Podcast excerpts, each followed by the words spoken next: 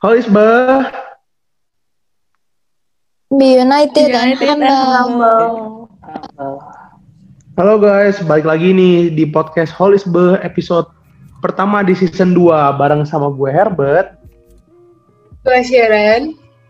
Gua Tamara. Gue Devina. Dan gue Sela. Nah, kali ini juga kita punya tamu yang spesial banget nih. Halo Kodev, apa kabar? Halo guys, baik baik baik. Thank you, thank you. Halisbe. Nah, jadi di episode kali ini eh, kita bakal ngomongin soal Valentine. Bentar lagi Valentine nih guys. Jadi kita bakal bahas seputaran eh, percintaan nih, seru banget gak sih? Nah, gue mau nanya dulu nih sama host kita dulu deh, sama Herbert. Apa sih yang lu pikirin kalau lu denger kata Valentine? Ya udah pasti kasih sayang lah ya, karena Valentine itu kan adalah hari kasih sayang gitu. Ke siapa? Ya buat banyak sih, nggak nggak cuma ke pasangan kita aja, buat keluarga, teman-teman gitu. Oh, kalau menurut yang lain gimana nih? Gimana? Em, nanya siapa ya? Eh, gue mau tanya sama Cisela dulu deh. Eh, menurut lo makna Valentine itu apa sih? Makna Valentine. Ya, makna Valentine sih kalau menurut gue kayak ya hari kasih sayang ya. Terus hari harinya orang jomblo pada sedih biasanya karena gak dapet coklat.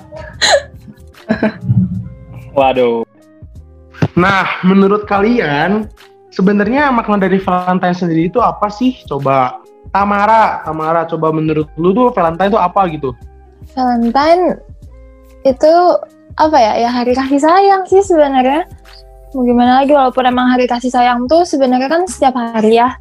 Em, cuman mungkin ini diperingati tuh kayak bentuk appreciate kita buat pasangan, buat orang tua, buat saudara, buat siapa aja sih. Jadi kayak lebih buat ke appreciate sama menghargai aja kali ya. Nah, kalau untuk Kodev sendiri nih, maksudnya secara kan ya, oh kita jangan sebut umur ya. Kalau sebut umur nanti agak gimana? Masih gitu. muda. Tapi masih muda, kan- masih muda. Oh, iya. Tenang. Masih muda, masih muda. Tapi kita pengen tahu nih pandangan dari Kodev, makna Valentine buat Kodev tuh apa sih? Ya, kalau buat koko sendiri sih Valentine apa ya momen untuk bersyukur kali ya buat orang-orang di sekitar kita yang mengasihi kita, menyayangi kita. Jadi momen celebration ya, momen celebration buat mereka untuk kita boleh ngerasain kasih sayang. Gitu sih. Nah, eh, tadi kan udah pada ngomong nih ya, eh, Valentine itu bentuk dari kasih sayang. Nah, tapi gimana sih caranya biar apa ya kita bisa nunjukin kasih sayang itu gitu, apalagi di hari Valentine-nya sendiri. Eh, coba menurut Cik Devina nih, eh, kasih sayang itu seperti apa sih harus kayak gimana gitu direalisasikannya? Astaga, susah banget ngomongin. Hmm, Menurut gue sih kalau kasih sayang itu bisa dalam bentuk apa aja sih ya. Kayak salah satunya kayak dalam lewat perhatian gitu ke orang, lewat eh perhat nunjukin gitu kalau misalnya kita tuh eh, sayang gitu sama orang itu. Tapi bisa juga sih nggak secara nggak langsung kayak gitu. Hmm, oh iya, ngomong-ngomong perhatian ya, kan kalian pasti tahu kan ada lima tipe cinta. eh iya nggak sih, ada lima nggak sih? Iya, iya, Eh, iya. iya. Lima kan ya? Nah, gue pengen tahu nih, eh tipe cinta kalian masing-masing apa? Kalau gue sih quality time, kalau nggak salah quality time. Yang paling eh ini ya, gede persenannya gitu. Kalau kalian apa nih? Gue penasaran. Ada yang mau cerita atau ngomong? Kalau gue sih sama sih, kalau gue lebih ke quality time karena kayak apa ya, waktu itu penting gitu walaupun ibaratnya kayak apa sih kayak kita misalkan nih kita nggak bisa datang tapi kayak kita selalu ngirim apa pun gitu kayak makanan, gojek apa. Tapi ya sebenarnya kehadiran kita tuh dibutuhkan gitu. Jadi buat kalian para cowok-cowok yang selama ini kayak ngirim-ngirim makanan doang, bakal kalah sama yang bakal selalu ada. Set. Asik. Kode bukan nih. Mantap. Ini mah fix Mantap. astaga. Kalau yang lain gimana? Yang lain. banget. yang lain dong. Eh gue tanya siapa ya? Kodev aja deh, yang on mic. Kodev, tipe cintanya apa kok? Ya, Iya, tipe cinta kan tadi mau namanya ya? komen yang mau, mau eh, bahasa kasih kali ya, bahasa Oh iya, bahasa apa kasih gitu ya. bener-bener. Soalnya kalau Iya, soalnya kalau mau tadi mau nanggepin Herbert itu mantep banget itu. Kayaknya udah mateng banget itu. kalau Koko Kan namanya juga Koko pakat cinta. sih Oh gitu ya. kalau Koko sih words of affirmation ya, kata-kata penguatan gitu ya, words of affirmation, kata-kata penguatan, support. Jadi kadang eh kalau lagi jenuh, lagi capek, nah itu kayak kayak gitu paling kerasa banget sih. Buat Koko eh, secara pribadi paling besarnya itu udah berapa kali tes dan ngerasain ya itu tadi eh, kata-kata penguatan, words of affirmation. Nggak tahu yang lain gimana nih? Aku Ya, sih mungkin yang sama lain kayak kayak kok, Dev. Ya mungkin ya si Tamara sama sih dilihat-lihat kayaknya sama. Dilihat-lihat. Kayaknya cinta lama eh, physical touch deh. Iya nggak sih? Kurang aja. Enggak ya. Enggak, enggak. Lebih nonjolnya ke words sih. Soalnya aku lebih suka dibilang kayak gitu, emang bucin banget sih. Jadi sebenarnya semuanya penting sih ya, cuman kayak tiap orang beda aja eh, propor- por- proporsinya gitu.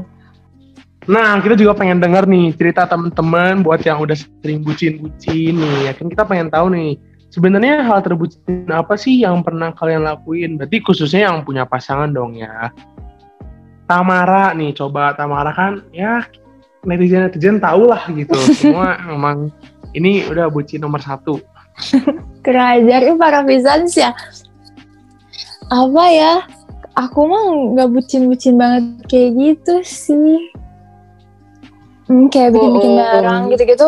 Enggak. banget. Justru kalau kayak gitu tuh ya lebih ke si Herbert. Herbert yang suka bikin barang kayak gitu buat pasangannya. Wah. Kalau aku mah enggak. Aku justru apa ya hal terbucin. Mungkin lebih ke kayak ke materi kali ya. Jadi kalau misalnya lagi pergi nih, terus ngeliat ada barang bagus gitu, kayak eh ini cocok buat doi gitu. Jadi kayaknya yang kayak gitu-gitu kali ya buat aku. Soalnya aku kalau pergi pasti selalu bawa sesuatu gitu buat dia teh.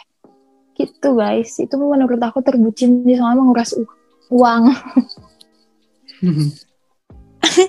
Aku nggak tahu kalau yang lain gimana. Ada yang mau cerita lagi nih pengalaman terbucin tuh apa sih buat kalian-kalian yang pernah punya pasangan gitu? Coba lu yang cerita tuh, Bert. Kan lu yang punya pasangan juga. Aduh. Coba Herbert Herbert boleh duka dong. Gimana Bert? Kamu relasinya Bert?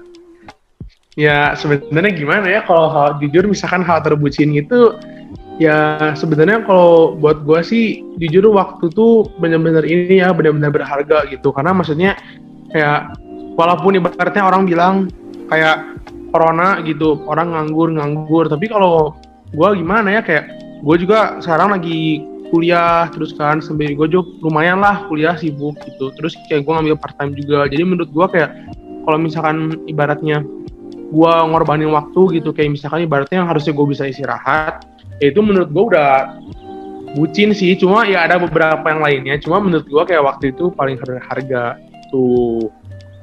Nah yang kemarin nih kalau nggak salah di instagramnya baru Will You Marry Me coba dong Kodev ceritakan Main tembak nih ya. Nanti suatu kali Herbert akan menjalani itu nanti. Kalau Koko pribadi pribadi apa ya? Memang paling ini waktu sih ya. Karena Cimarla itu kan eh, bahasa kasihnya waktu. Sedangkan Koko kata-kata penguatan. Di sini memang agak nggak masuk, tapi kalau pas ketemu kan ya dia quality time Koko ngomong aja terus kan ya. Secara nggak langsung kayak gitu sih. Nah, jadi lama tuh kalau udah ketemuan tuh dan Cimarla kan ngajar, Koko pun juga apa ya sebagai batuan mungkin waktunya terbatas juga ya. Jadi pas lagi ketemu tuh pasti lama tuh beberapa kali kita maksa hari Sabtu atau hari Minggu gitu ya. Ya jadi kadang bener-bener sampai cukup malam sih. Terus kadang bener-bener kayak eh, jadi slow respon lah yang lainnya gitu ya. Bucinnya dalam artian ya dari dia waktu dari kok kata-kata penguatan. Jadi beberapa kali ya udahlah kayak serasa milik berdua gitu ya.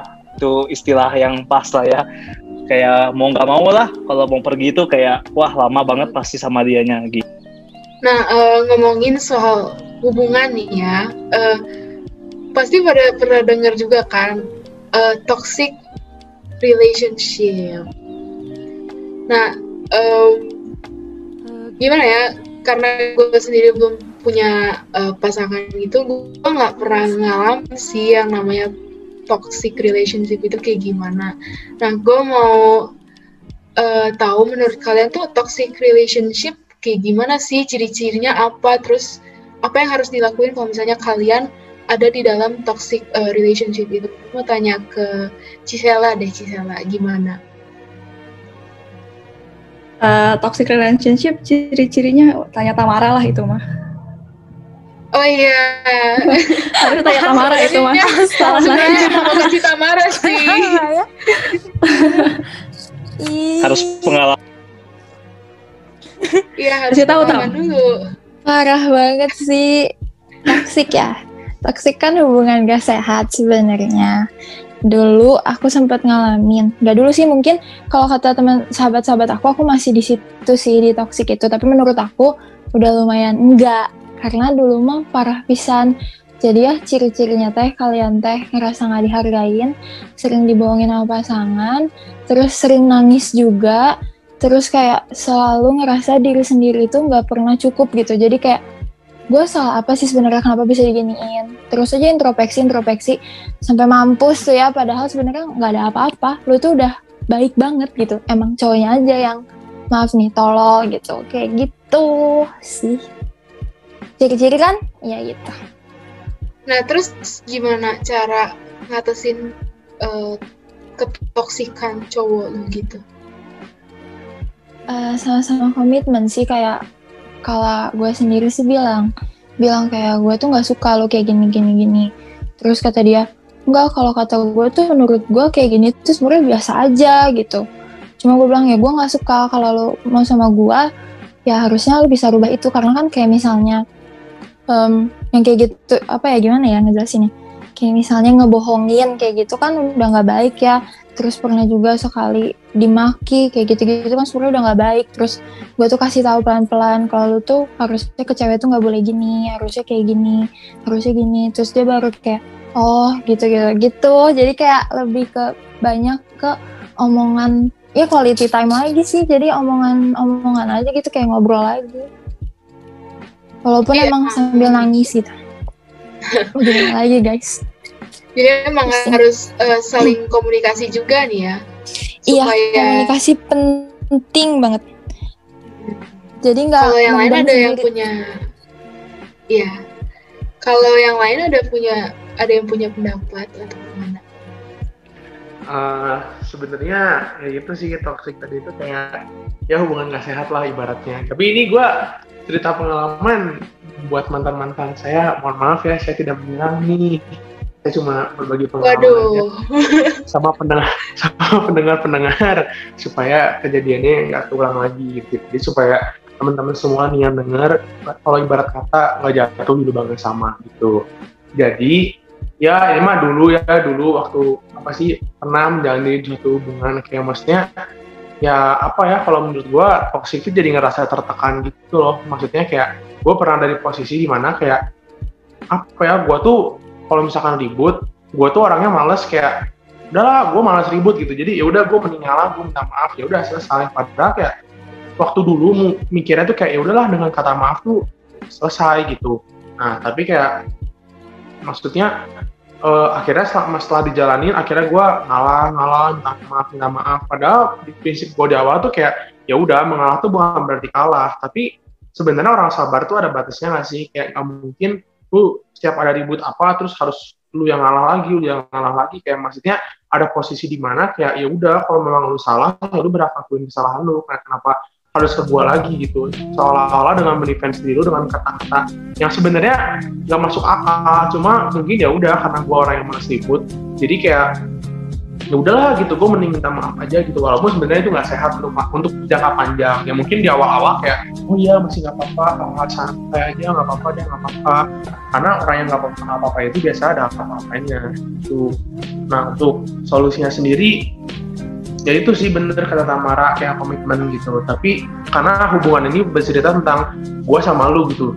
Bukan eh bukan bercerita tentang gue sama lu tapi tentang kita gitu. Jadi ya mau gimana pun namanya hubungan lu jalan berdua ya lu harus mau sama-sama kompromi sih paling sebenarnya paling penting itu toleransi gitu. kalau misalkan selama lu bisa ngertiin satu sama lain sih menurut gua toxic relationship toxic relationship nggak akan terjadi sih gitu Hmm, bener banget sih, bener bener bener. ya gue setuju banget sih. Emang kayak eh, kan emang bener juga kayak kalau misalnya ngejalanin hubungan tuh ya nggak cuma sepihak aja gitu harus dua orang. Jadi kayak bener-bener apa ya ya meskipun mungkin ada perbedaan pendapat kali ya tapi eh, ya asal kita bisa ngertiin bisa komunikasi dengan baik harusnya nggak masalah sih ya kayaknya. Iya, karena karena gue karena gue mesti jomblo. karena gue nggak karena tahu ya- apa pasangan itu emang gak ada yang cocok. Nyatuin dua kepala itu emang susah. Tapi yang paling penting itu satu paham sama satu komitmen aja sih. Satu tujuan juga. Karena kalau misalnya dua kepala disatuin itu susah. Asik. Ini quotes nih ya. ah bener tahu jadi kalau emang Iya, betul, kalau betul, betul. emang udah udah Betul, beda betul. pemahaman eh apa sih udah beda pemahaman sama beda prinsip ya lu nggak akan bisa gitu tapi kalau misalnya satu prinsip walaupun kita berdua keras, keras kepala bisa gitu langgeng gitu loh itu guys Nah, tadi kan kita bahas tentang Valentine nih, tema kali ini. Kan Valentine itu kasih ya. Nah, kan dalam buah roh juga ada kasih nih. Nah, gimana sih hubungan yang sehat dan berkenan di hadapan Tuhan gitu? Coba bisa jelasin nggak sih Kodev gimana secara dari sisi rohaninya ya ini kita berbicara. Ya, ini Koko lepas dari Koko hamba Tuhan atau bukan ya. Tapi Koko nyampain pasti yang paling dasar itu andalin Tuhan lah ya. Bukan perasaan, bukan apa ya. Karena kita nih udah cocok nih satu tim basket bareng dari SD, SMP gitu ya. Atau kayak aduh gua tuh udah udah saking sayang banget gitu ya. Ya pertama pasti hubungan yang sehat itu kalau ada Tuhan di dalamnya lah yang ngandelin. So, itu akan ngefek sih eh, berkenan kalau kita tuh makin hari, minggu demi minggu, bulan sama bulan, tahun demi tahun tuh makin ada perubahan gitu ya. Koko eh, share banyak banget anak remaja ya kita pengen berubah dan kita pengen bertumbuh. Nah itulah momen di mana hubungan yang sehat itu akan bikin kita grow bareng. Kalau yang tadinya mungkin nge-vape gitu ya, jangan sampai dia jatuh lama-lama ngerokok, mabok, judi dan yang lainnya gitu ya. Kalau dari awalnya memang udah cukup berantakan dan siap untuk ngadepin dia, berarti harus ada perubahan nih dari diri dia dan sama-sama saling menajamkan lah ya, saling bertumbuh lah intinya satu demi satu dan eh, waktu akan membuktikan kalau kita ini sama-sama bertumbuh bukan saling nyakitin bukan saling nuntut dan yang lainnya betul tadi komitmen mungkin itu kuncinya juga ya untuk kita boleh sama-sama ngandelin Tuhan gitu bet Berarti eh, yang pertama kita harus lakuin biar hubungan kita sehat tuh ngandelin Tuhan ya kalau bener ya. Yaps, betul banget. Itu kan kayak paling dasar gitu ya. Buat teman-teman yang belum pernah juga ya cobalah dari sekarang mulai doa, mulai apa ya, mulai sama-sama ngedoain yang betul-betul ya cocok lah gitu sama kita bukan karena kita pernah dekat sama dia dan uh, Mm-mm. udah sama-sama sayang, tapi kayak kita mau sama-sama bertumbuh bareng dia gitu. Emang enak sih kalau misalnya punya pasangan yang gimana ya, yang mau bertemu bareng juga secara rohani, nggak cuman apa ya asal deket terus kayak em, apa ya em, sayang tapi kayak nggak gimana ya, nggak eh, rohaninya belum dewasa juga gitu. Nah eh, kalau misalnya cara pertahanin sama eh, apa menjalin hubungan yang sehat gitu gimana sih kok cara apa ya supaya si hubungannya itu ke arah yang benar juga gitu. Oke. Nah, sebelum Koko jawab pertanyaan ini, mau tanya dulu dong. Kalian boleh sharing satu-satu dong. Eh, udah pernah pacaran atau belum? Kalau udah pernah, ini pacar keberapa nih yang sekarang lagi lagi bareng kalian nih? Boleh nggak? Se- Singkat-singkatnya aja. Nih, ada beberapa orang kan. Boleh sharing siapa dulu nih urutan nih. Yuk Tamara, Udah pernah pacaran atau belum? Nah, Tamara Aku- katanya yang paling expert katanya. aku aku pacar ini pacar keberapa pacar pertama kali ya karena kalau yang sebelumnya nggak ada kata pacar cuma deket aja yang baru ada kata pacar tuh baru ini liner doang. Terus aku tuh emang suka nerapin tiap malam gantian pimpin doa. Itu sih sama pagi-pagi baca Alkitab. Walaupun dianya kayak gitu ya, Sela Devina, dia suka selingkuh dulu. Tapi dia sebenarnya imannya tuh bagus, guys. Cuman emang kalau Oke. iman ke perempuan kurang. itu yang harus dibenerin sebenarnya di hubungan gua. gitu guys, Oke, kalau iman terhadap Tuhan tuh ya. Jadi Emang jadi udah- pertama ya Tamara ngakunya pertama ini ya. Iya, aku yang pertama sih. Sebelumnya ada dua, tapi dua-duanya tuh kayak lebih ke nafsu ke gua, jadi pusing. Eh, enggak. Jadi apa ya? Gak tahu. Bet apa Oh, bet disebutnya?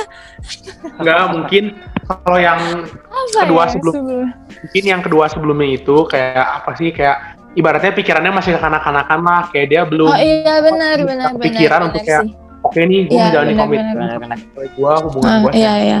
arah sana Iya. gitu Mm-mm. Nah, semenjak gue deket sama Render ini emang lebih sering baca Alkitab sebenarnya mah. Karena sebelumnya gue nggak pernah baca Alkitab Oke. tiap pagi, tapi kalau sama dia jadi ya kayak gitu. Cuma emang rada dajal sih, maaf dianya gitu aja sih guys sudah. Oke, thank you Tamara.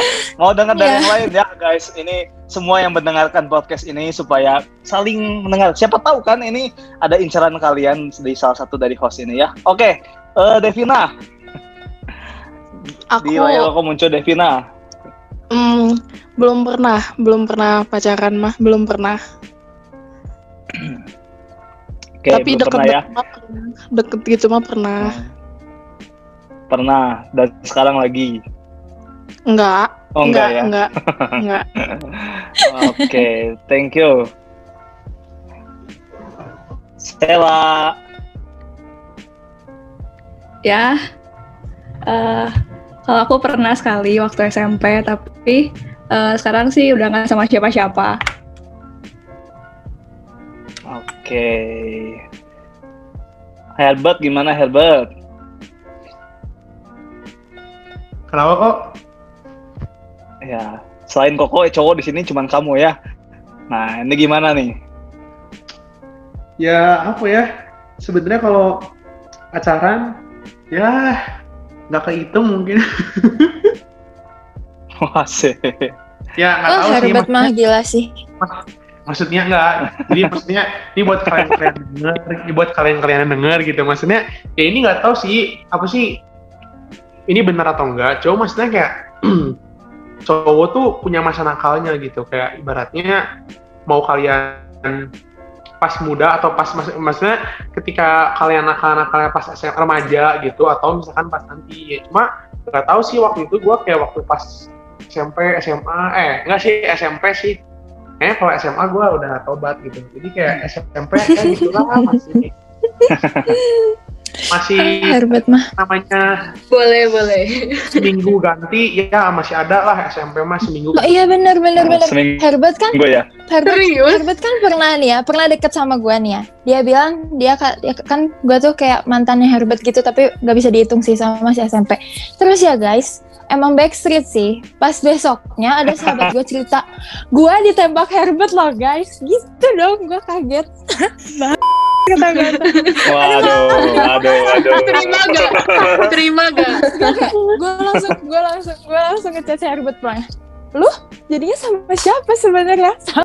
Sama sama gue kata gue. Woi, dia jangan sebut merek dong jangan Oh, sebut iya. merek ini jadi kebongkar ya. Jadi kebongkar. ya. Parah banget pokoknya mah gila. Iya maaf maaf.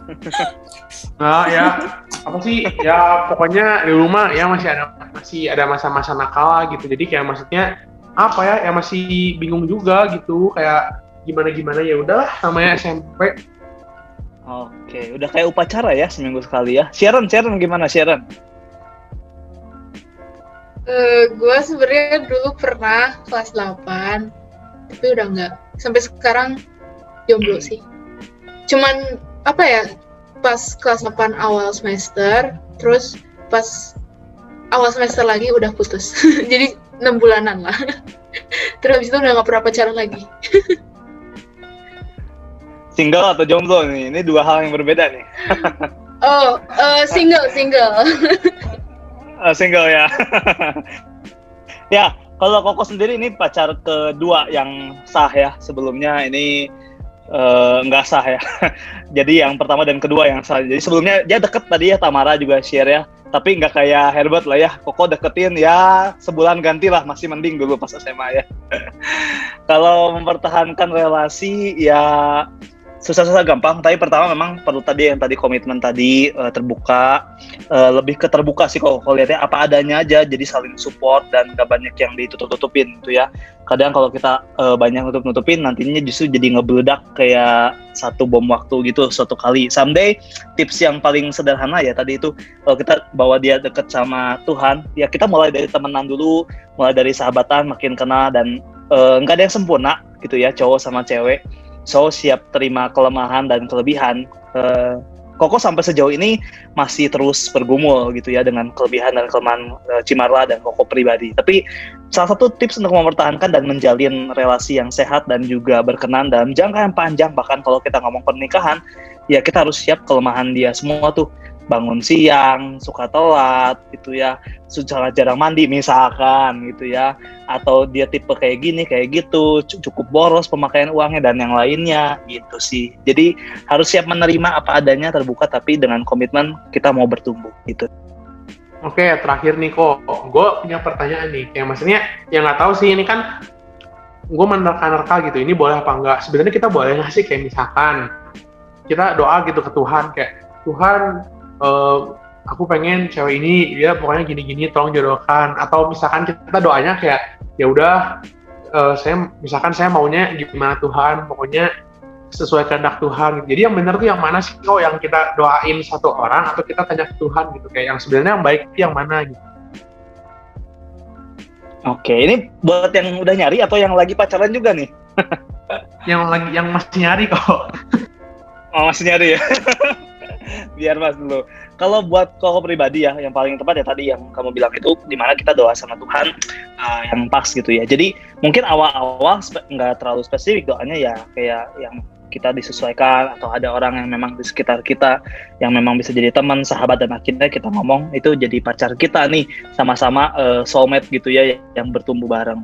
Tapi kalau kita udah tahu orangnya dan kita secara spesifik ngedoain dia ya itu jauh lebih better. Karena kita tahu uh, Tuhan kalau memang dia adalah jodoh gue gitu ya ya lu harus siap gitu bawa sama Tuhan dan uh, pilihannya cuma dua yes or no kan jawaban dari Tuhan.